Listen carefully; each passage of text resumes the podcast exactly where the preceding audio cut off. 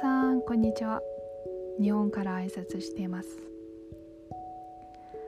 最近モンゴルで雪が降ってちょっと寒いという感じみたいなんですけど皆さんいかがお過ごしでしょうか、うん、日本ではそんなに寒くなくてでも、まあ、ちょっと前よりちょっと涼しくなったなったかもしれないですね。秋が来たみたいの涼しい日々が来るのはまだまだだと思います。では早速ですが今日の話にお入らせていただきます。私は今日からなんかありがとうと言いたい方に対してちゃんとありがとうということをここに言っておこうかなと思いました。必ず知り合いである方に対してかありがとうということを言うんじゃなくてどこかで今日出会ってくれた方に対してもありがとうという気持ちを持ってそれをちゃんと言うのは私の目標です。今日私のありがとうと言いたい方は誰なのでしょうか？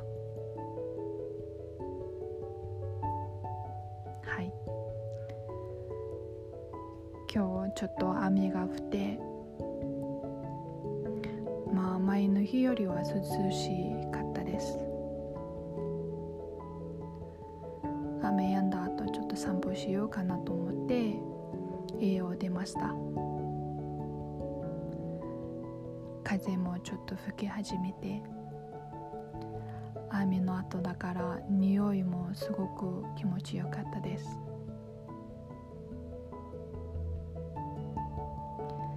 街はなんだか前よりはちょっと静かであんまり通る人がいなかったような気がします。この風の良さと雨の匂いの良さを感じながら歩き始めました。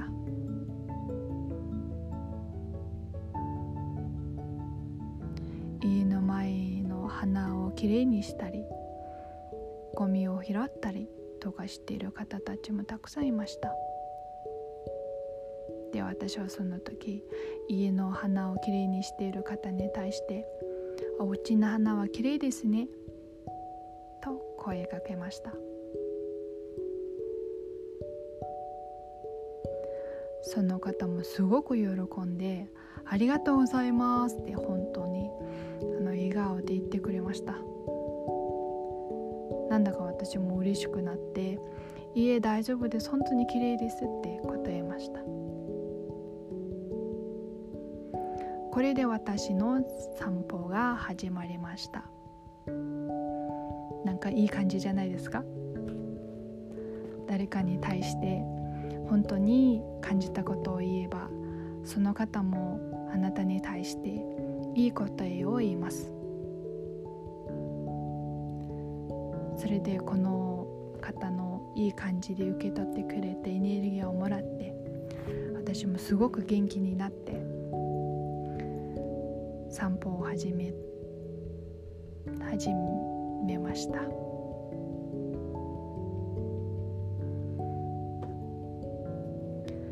今日もいい日だねと思ったしなんか通り通る通り過ぎる方たちもすごく休みの日だからというかなんかのんびりしてゆっくりと歩いているような感じがしました。もうちょっと歩いていたら犬を可愛がっている2人の方たちもいまして可愛いですねとかお互いの犬を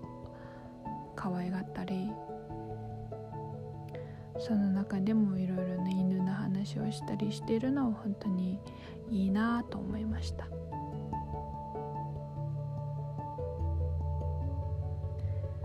で歩き続いている途中で出会ったのはあの本当にちっちゃいあのちょっとグレー色なんですけれどもあの犬がいまして私もあの歩いてちょっと通ろうかなと思ったところでも本当に可愛かったから可愛くてたまらなくて この犬を見て「え可愛いというふうに声かけました。なんかぬいぐるみみたいな感じがしてであんなに可愛い子いるの？みたいな感じだったので本当にその気持ちももう心からそういうあの気持ちだったしなんか可愛可愛かったからもう本当にわざとということじゃなくてもう本当の気持ちからこの言葉が出てでそしたらあのその犬の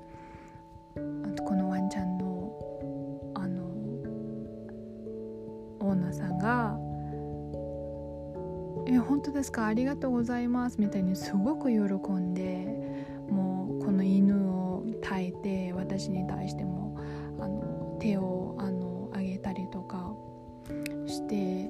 あのかわらかわがらせてもらいました。もう本当に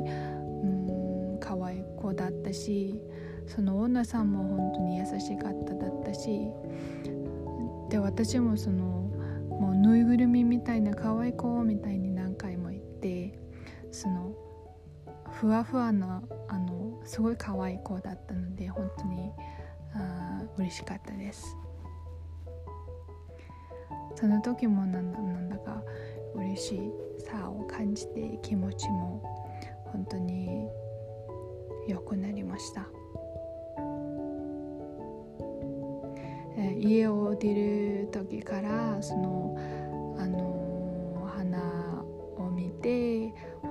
綺麗というふうにあの言ったりとかそのいいエネルギーをその花ああの家の花を片付けていた方に聞いてもらったからそのエネルギーが次々とあの、うん、継続というか所属的にみんなに伝われ伝われているんじゃないかなと思いました。で次も続けても歩いていたところあのあるおばあさんとまた会ったんですけれどもその方がすごいあの重い水を運んであのその家電にこの散歩するあ道の周りのあの家電に水をあげていました。もう本当にあの、手伝わなきゃいけないんだねというふうにあの感じて「おばあさん手伝いますか?」と言ったら「はいありがとうございます手伝ってくれれば助かります」と言ったのでそのおばあさんと一緒に水を運んでうん家電花に水をあげましたでおばあさんもすごく優しかっただったしあのいろいろ話してくれたりとかこの家電に水をあげるそういうあの仕事というかそういうことを